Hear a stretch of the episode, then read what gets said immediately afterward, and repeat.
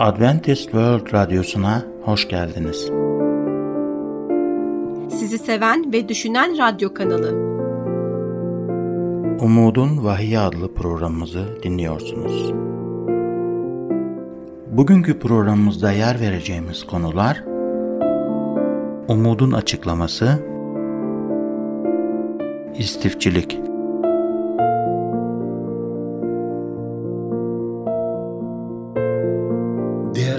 dinleyicilerimiz, programımıza hoş geldiniz. Bugünkü konumuz vahide bahsedilen Ateş Gölü. Bu konuda aklınıza takılan her türlü soruyu cevaplamaktan mutluluk duyacağımız için lütfen WhatsApp numaramız olan artı 357 99 786 706 üzerinden bize yazın. Daha önce hiç cehennemi ziyaret ettiniz mi? Her yıl binlerce insan cehennemi ziyaret ediyor ve bu insanların çoğu orada çok uzun süre kalmak zorunda olmayacaklarını umuyor. Cehennem çorak, engebeli bir manzarası var ve son derece sıcak. Hayatınızın geri kalanını kesinlikle bu ıssız bölgenin aşırı sıcak havasında geçirmek istemezsiniz. Net bir konum verelim. Cehennem Kayman adalarında bulunan bir grup siyah kireç taşı oluşmalarıdır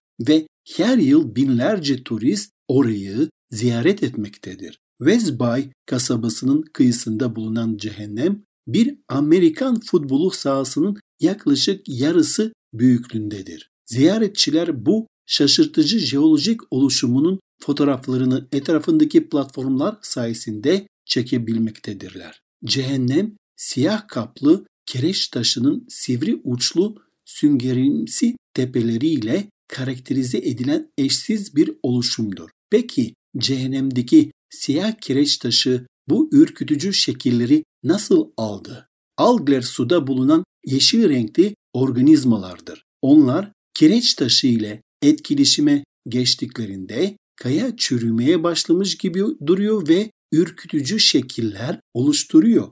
Yakından baktığınızda sanki tüm yer yanmış ve tamamen yıkılmış gibi görünmektedir. Cehennemin adını nasıl aldığına dair sayısız söylenti var. Ancak en popüler olanı ziyaretçilerin bu kararmış, izole edilmiş yere baktıklarında vay canına cehennem böyle görünüyor olmalı demelerinden dolayı bu adı aldığı düşünülüyor. İronik olarak bölgedeki bazı mağazaların yanlarında kutsal kitaptan bazı önemli alıntılar da var. Evet belki de cehennemin gerçekte aslında neye benzediğini keşfetmenin zamanı geldi. Cehennem dünyanın merkezinde bulunan sıcak bir nokta mı? Milyonlarca kişi şu anda orada acı çekiyor mu? Sevgi dolu bir tanrı cehennemdeki insanlara milyonlarca yıl işkence yapar mı? Hadi bu soruların cevabını bulmak için kutsal kitabın cehennem hakkındaki gerçekten ne söylediğini bakalım. Kayman adalarındaki cehennem denen ıssız bir yerden çok daha şaşırtıcı bir şey keşfedeceğiz. Konu böyle olduğunda bu programlar için temamız bir kez daha hatırlamamız gerekiyor. Bir şey kutsal kitapta ise ona inanıyorum. Kutsal kitapla uyuşmuyorsa bana göre değildir. Cehennemle ilgili pek çok gelenek vardır. Gelenekler kutsal kitapla uyuşmuyorsa Tanrı'nın sözü bizim için bir kriter olmalıdır değil mi? Vahiy kitabı dünya üzerindeki bir ateş gölünü anlatır. Tanrı'ya karşı savaşanlar bu ateş gölünde yok oluyorlar. Kelam, şeytanın önderliğinde bin yılın sonunda Tanrı'nın şehrinin almaya çalışanların yok oluşunu şöyle anlatıyor. Vahiy 29. ayet. Yeryüzünün dört bir yanından gelerek kutsalların ordugahını ve sevilen kenti kuşattılar. Ama gökten ateş yağdı, onları yakıp yok etti. Milenyumla ilgili konuştuklarımızı hatırlıyorsunuz. İsa Mesih ikinci kez geldiğinde yaşamlarını ona adamış olan doğru ölüleri diriltecek. Bu insanlar mezarlardan çıkar ve onunla gökyüzüne buluşmak için yükselirler. Hiç ölmemiş doğru kişiler direnenlerle birlikte cennete yükselirler ve orada Mesih'le bin yıl geçirecekler. Kutsal ruhu reddedenler ise İsa'nın ikinci gelişinde dehşete kapılırlar. Bu insanlar kayaların ve dağların üzerinde düşmesi için haykırıyorlar ve İsa'nın gelişinin yücelliğinden ölüyorlar. Bin yıl boyunca dünya insansız ve ıssız kalıyor. Şeytan ise bu bin yıl boyunca kötü melekleriyle birlikte insansız kalan gezegenimizde işsiz kalıyor. Çünkü artık kimseyi kandıramıyorlar. Hiç insan yok ki. Bir nevi gezegenimize bağlanmış oluyorlar. Bin yılın sonunda ise İsa Mesih göklerde yaratmış olduğu yeni Yeruşalim'i tüm kurtulan insanlarıyla birlikte bizim gezegene taşıyor. Evet, kutsal şehir yeni Yeruşalim, kutsalların ordugahı bu dünyaya iner. Tanrı kötüleri diriltir. Yaşamları boyunca şeytana bağlılığı göstermişlerdir. Şimdi dirildikten sonra hemen şeytanın önderliğinde onun ardına düşerler. Onlar kutsal şehir yeni Yeruşalim'i ele geçirmek için harekete geçecekler. Vahiy 29. ayette ise şöyle diyor. Ama gökten ateş yağdı, onları yakıp yok etti. Kutsal kitap bu olayı ikinci ölüm olarak tanımlar. Vahiy 26. ayette ilk dirilişe dahil olanlar mutlu ve kutsaldır. İkinci ölümün bunların üzerinde yetkisi yoktur diyor. Öyleyse kutsal kitap ikinci ölümden bahsederken aslında ne demek istiyor? Bunu şu şekilde tanımlayabiliriz. İlk ölüm günahlı bir dünyada yaşamanın doğal sonucu olarak her birimizin ölmesidir. İkinci ölüm ise Tanrı'ya karşı kişisel isyanın sonucu olarak ebedi bir ölümdür. İkinci ölüm sadece bir günah dünyasında doğduğumuz için değil, günah yolunu seçtiğimiz için ortaya çıkar. Bu ebedi ölüm ise bin yılın sonunda gerçekleşir. Bu zaman kötülerin dirilme zamanıdır. Şeytanla birlikte kötüler yeni Yeruşalim'e saldıracaklar. Hayatların kayıtları Tanrı'nın önünde gösterilecek. Tanrı'nın adil ve adaletli olduğu kabul ederler ve o anda Tanrı gökten ateş yağdırır, ateş gölü oluşur ve ikinci ölüm yaşarlar. Ve eski dünyanın küllerinden Tanrı yeni dünyayı yaratır. Bu yeni dünya dair verilen açıklamayı dinleyin. Vahiy 21.1 Bundan sonra yeni bir gökle yeni bir yeryüzü gördüm. Çünkü önceki gökle yeryüzü ortadan kalkmıştı. Vahiy 21.4'te ise onların gözlerinden bütün yaşları silecek. Artık ölüm olmayacak. Artık ne yaz, ne ağlayış, ne de ıstırap olacak. Çünkü önceki düzen ortadan kalktı. Tanrı günahı sonsuza dek ortadan kaldıracak şekilde ele almak ister. Tanrı acıyı sonsuza dek ortadan kaldırmak istiyor. Tanrı fiziksel sıkıntıları sonsuza dek ortadan kaldırmak istiyor. Peki ya ateş gölü, ya cehennem nasıl sonsuza kadar dünya üzerinde yanan bir ateş gölüne sahipken aynı zamanda yeni bir toprak yaratabilirsiniz. Kaybettiğimiz sevdiklerimiz sonsuza dek akıl almaz bir azapla sürekli yanıyorlarsa İsa gözlerimizdeki tüm gözyaşlarını nasıl silebilir? Bazı Hristiyanların Tanrı'nın insanları cehennemde trilyonlarca ve trilyonlarca yıl yakması fikrini benimsemek istediklerini düşünmek kesinlikle beni şaşırtıyor. Trilyonlarca yıl boyunca en büyük düşmanımız bile olsa ona eziyet etmek ister miydiniz? Peki çok müjdeci Hristiyan liderin bugün sizinle kutsal kitapta paylaşacağım cehennem hakkındaki gerçeği keşfetmekte olduklarını biliyor musunuz? Onlar da bunu araştırıyorlar. Bugün bir Hristiyan kitapçıya gidersiniz görürsünüz ki birçok önde gelen akademisyen ilahiyatçı kutsal kitabın cehennem hakkında öğrettiği gerçek üzerinde incelemeler yazıyorlar.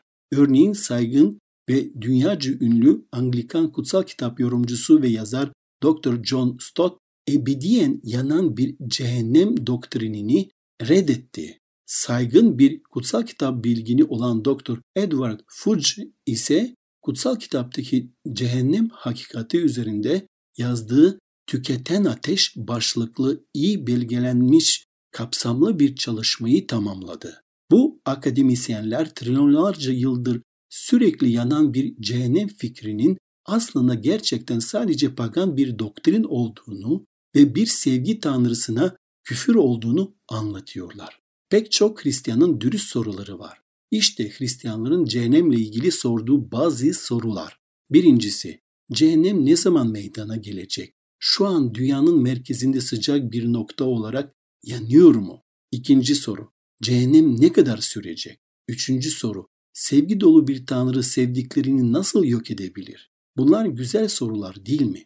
Bu kadar önemli bir konuda bize açık bir öğreti vermesi için kutsal kitaba güvenebileceğimizi düşünüyor musunuz? Genel bir bakış sağlamak için her soruya kısaca bakalım ardından konuyu daha derinlemesine inceleyelim. İlk olarak birinci soru neydi? Cehennem ne zaman meydana gelir? Şu an var mıdır? Malahi 4 1. ayette kutsal kitap şöyle diyor. Her şeye egemen Rab diyor ki işte o gün geliyor. Fırın gibi yanıyor. Kendini beğenmişlere kötülük yapanlar samandan farksız olacak. O gün hepsini yakacak diyor kelam. O gün geldi mi? Hayır çünkü kutsal kitap şöyle diyor. İşte o gün geliyor. Fırın gibi yanıyor. O gün hepsini yakacak diyor. Her şey egemen Rab. Kötülerin yok edilmesi zamanın sonunda gerçekleşecek olan bir olaydır. Devam etmeden önce bu konuyla ilgili herhangi bir sorunuz olursa diye WhatsApp numaramız olan artı 357 99 786 706'yı hatırlatmak istiyorum. Kutsal kitap kötülerin ölünce cehenneme gideceklerini, şu an cehennemde olduklarını ve yakıldıklarını söyler mi? Kutsal kitap o gün hepsini yakacak diyor. Ayrıca 2. Petrus 3. bölüm 7. ayette dünyanın ateşle bu şekilde temizlenmesi gelecekte olduğunu belirtir. Şöyle diyor kelam, şimdiki yer ve göklerse ateşe verilmek üzere aynı sözle saklanıyor. Tanrısızların yargılanmak mahvolacağı güne dek korunuyorlar.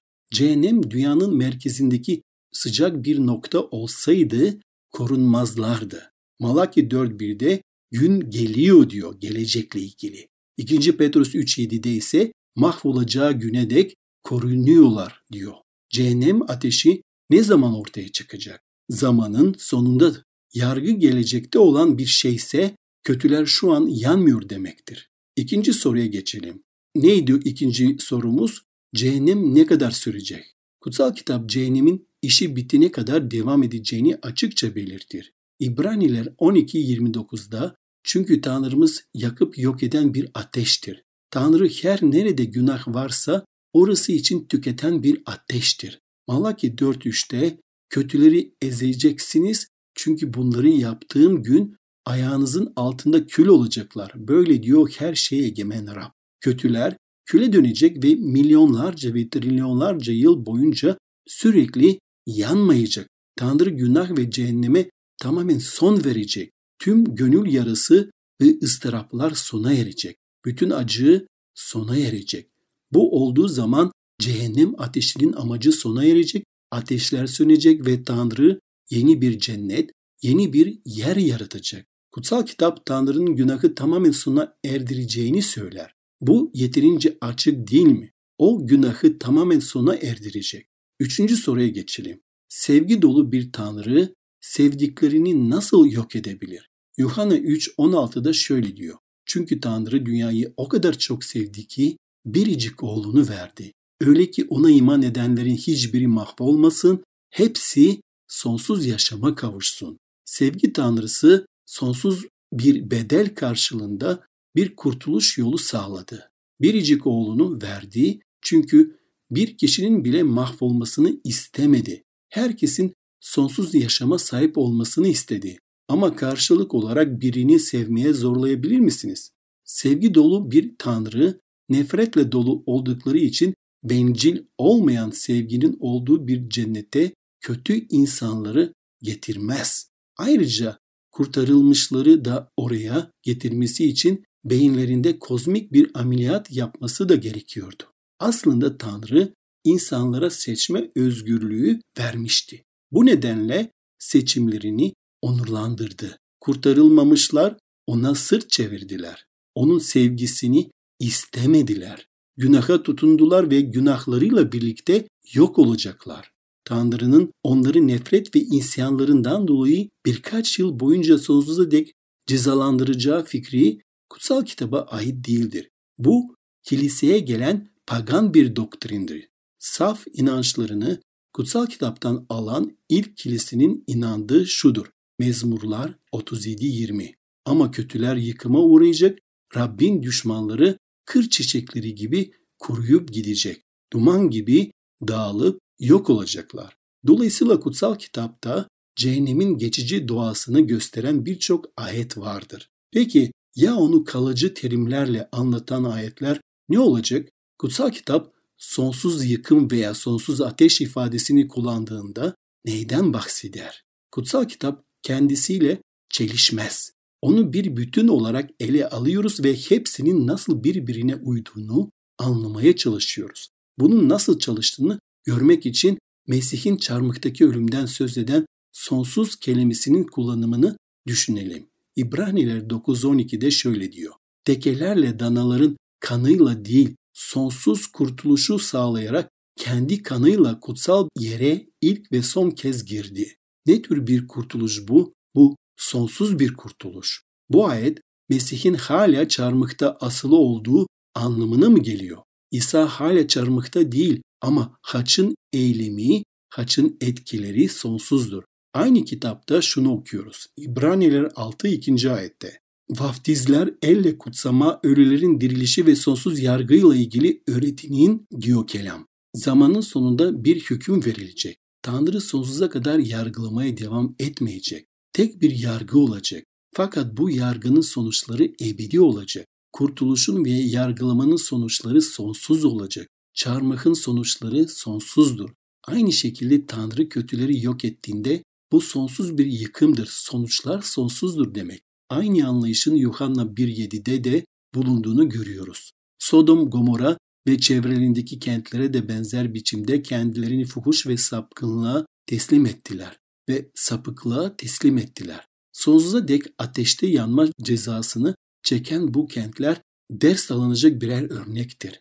Yahuda burada örnek olarak Sodom ve Gomorra'yı kullanıyor. Sodom ve Gomorra nasıl bir ateşte yandı? Onlar ebedi ateşin intikamını çektiler diyor. Sodom ve Gomorra hala yanıyor mu? Hayır ama bu sonsuz bir ateş değil miydi? Hayır, sonsuz olan yangının etkileriydi. Ateş gökten Tanrı'dan geldi ve şiddetle şehirleri tüketti veya yıktı. Ebedi ateş etkileri ve sonuçları ebedi olan bir ateştir. Bu yangının sonsuz olan tarafı etkileriydi, alevleri değildi. Peki ya sonsuz ceza? Matta 25, 45 ve 46'da şöyle diyor. Kral da onlara şu yanıtı verecek. Size doğrusunu söyleyeyim. Madem ki bu en basit kardeşlerimden biri için bunu yapmadınız, benim için de yapmamış oldunuz. Bunlar sonsuz azaba, doğrular ise sonsuz yaşama gidecekler. Kutsal kitap sonsuz cezalandırma demiyor. Sonsuz ceza ya da diğer bir deyişle azap diyor. Ve bu iki terim aynı değil. Bu iki terim arasındaki farkı görebiliyor musunuz? Kutsal kitap asla sonsuz cezalandırmadan bahsetmez. İnsanları sonsuza dek cezalandırmaktan zevk alan Tanrı değildir. Tanrı cennetteki tahtına oturup şöyle demez. Sana söylemiştim işte şimdi yanıyorsun, tüketiliyorsun, alevler içinde kıvranıyorsun. Sadece hak ettiğin şeyi alıyorsun, al bakalım.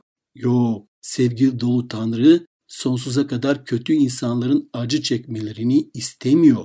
Sevgi Tanrısı bundan zevk almaz. Sevgi Tanrısı adaletlidir. Filipiler 3. bölüm 18 ve 19. ayetler şöyle diyor. Birçok kişi Mesih'in çarmıhına düşman olarak yaşıyor. Onları sonu yıkımdır. Yunanca yıkım kelimesi tüm kutsal kitaptaki en güçlü kelimelerden biridir. Tamamen tüketilmek veya tamamen yok edilmek demektir. Tamamen imha edilmek demektir. Matta 7.13'te dar kapıdan girin çünkü yıkıma götüren kapı geniş ve yol enlidir. Bu kapıdan girenler çoktur. Bugün öğrendiğimiz gibi cehennem gideceğimiz bir yer değildir ve şu anda da yoktur. Tanrımız halkını cezalandıran bir tanrı değil, sevgi dolu bir tanrıdır. Bir dahaki sefere cehennem hakkında daha fazlasını öğrenmek için lütfen bizimle kalmaya devam edin. Bugünkü bölümle ilgili herhangi bir sorunuz varsa ya da kutsal kitabın sunduğu gerçeği takip etmek istiyorsanız veya özel bir duaya ihtiyaç duyuyorsanız lütfen hiç çekinmeyin ve hemen bize WhatsApp numaramız olan artı 357 99 786 706'dan veya e-mail adresimiz olan radyo.umuttv.org adresinden ulaşın. Sizi bekliyoruz. Bugünkü konumuzun sonuna geldik. Şimdi sağlıkla ilgili konumuzla programımıza devam edeceğiz. Bizi dinlemeye devam edin. Görüşmek üzere.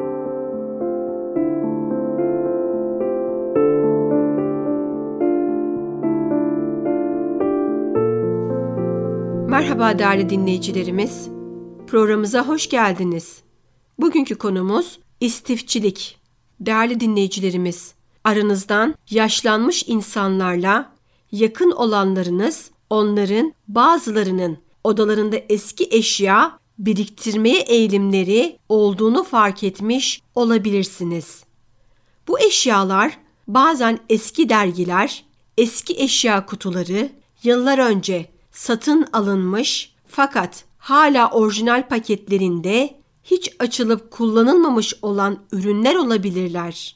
Hatta belki de istifçi kişinin evine ya da odasına belki bu eşyaların yoğunluğu nedeniyle giremeyebilirsiniz ve bu manzaradan dolayı evi temizleme teklifinde bulunup sonrasında da reddedebilirsiniz ya da bu teklifinize karşı bir direniş görebilirsiniz. İstifçi kişinin bütün bu davranışları ne anlama gelir ya da bu durum karşısında ne yapılabilir? Evet, konumuza devam etmeden önce konumuza dair herhangi bir sorunuz olursa diye WhatsApp numaramız olan artı 357 99 786 706'yı sizlere hatırlatmak istiyorum. İstifçilik son zamanlarda bir zihinsel bozukluk olarak kabul edilmektedir. İstifçilik çoğu insanın yaptığı gibi hobi olarak pullar ya da özel anısı olan şeylerin toplanmasından çok daha fazlasıdır. İstifçilik gerekli gereksiz birçok eşyayı sebepsiz yere atamamak ve atılması istenildiğinde de anlamsız bir çaba göstermektir. İstifçiler biriktirdikleri gereksiz eşyaların atılmaması için birçok bahane bulabilirler ya da belki de onlara ihtiyaçları olduğunu söyleyebilirler. Bir bireyin istifçilik hastalığına sahip olup olmadığını anlamak için eşyaların atılmasının onda şiddetli duygusal sıkıntıya neden olup olmadığına bakılabilir. Eminim ki bunu söylediğimiz anda birçok bayan eşlerinin bu hastalığa sahip olduğunu düşünmüştür. Fakat hayır, istifçilik yıpranmış bir çift terliği ya da eski bir gömleği atmamak için direnmekten çok daha fazlasıdır. İstifçilerin eşya biriktirme sevdalarından dolayı evleri o kadar dağınık hale gelebilir ki bazen koridorlarında yürümek bile imkansız olur. Bazıları yaşadıkları dağınıklık sebebiyle yataklarına yatmakta bile zorluk çekebilirler. Bu türden bir dağınıklık evde temizlik yapılmasını engeller. Bunun sonucunda ise evde farelerin, sıçanların, hamam böceklerinin ve örümceklerin ve daha birçok haşerinin dolaşmasına sebep olabilir. Bu gibi haşerlerin evde dolaşması da onların taşıyabilecekleri hastalıkların risklerinin de evde dolaşması demektir. İstifçiler evlerinde bazen eşya değil de hayvan da istifleyebilirler. Hepimiz şimdiye kadar evlerinde düzinelerce kedi besleyen en az bir kişi görmüş ya da böyle birine dair bir haber okumuşuzdur. Bu kişilerin bu kadar kediyi evde besleme sebepleri takdire şayan olabilse de yaşayacakları finansal zorlukları da az değildir. Fakat bunca zorluğa rağmen evde kedi beslemek için ısrar ederler.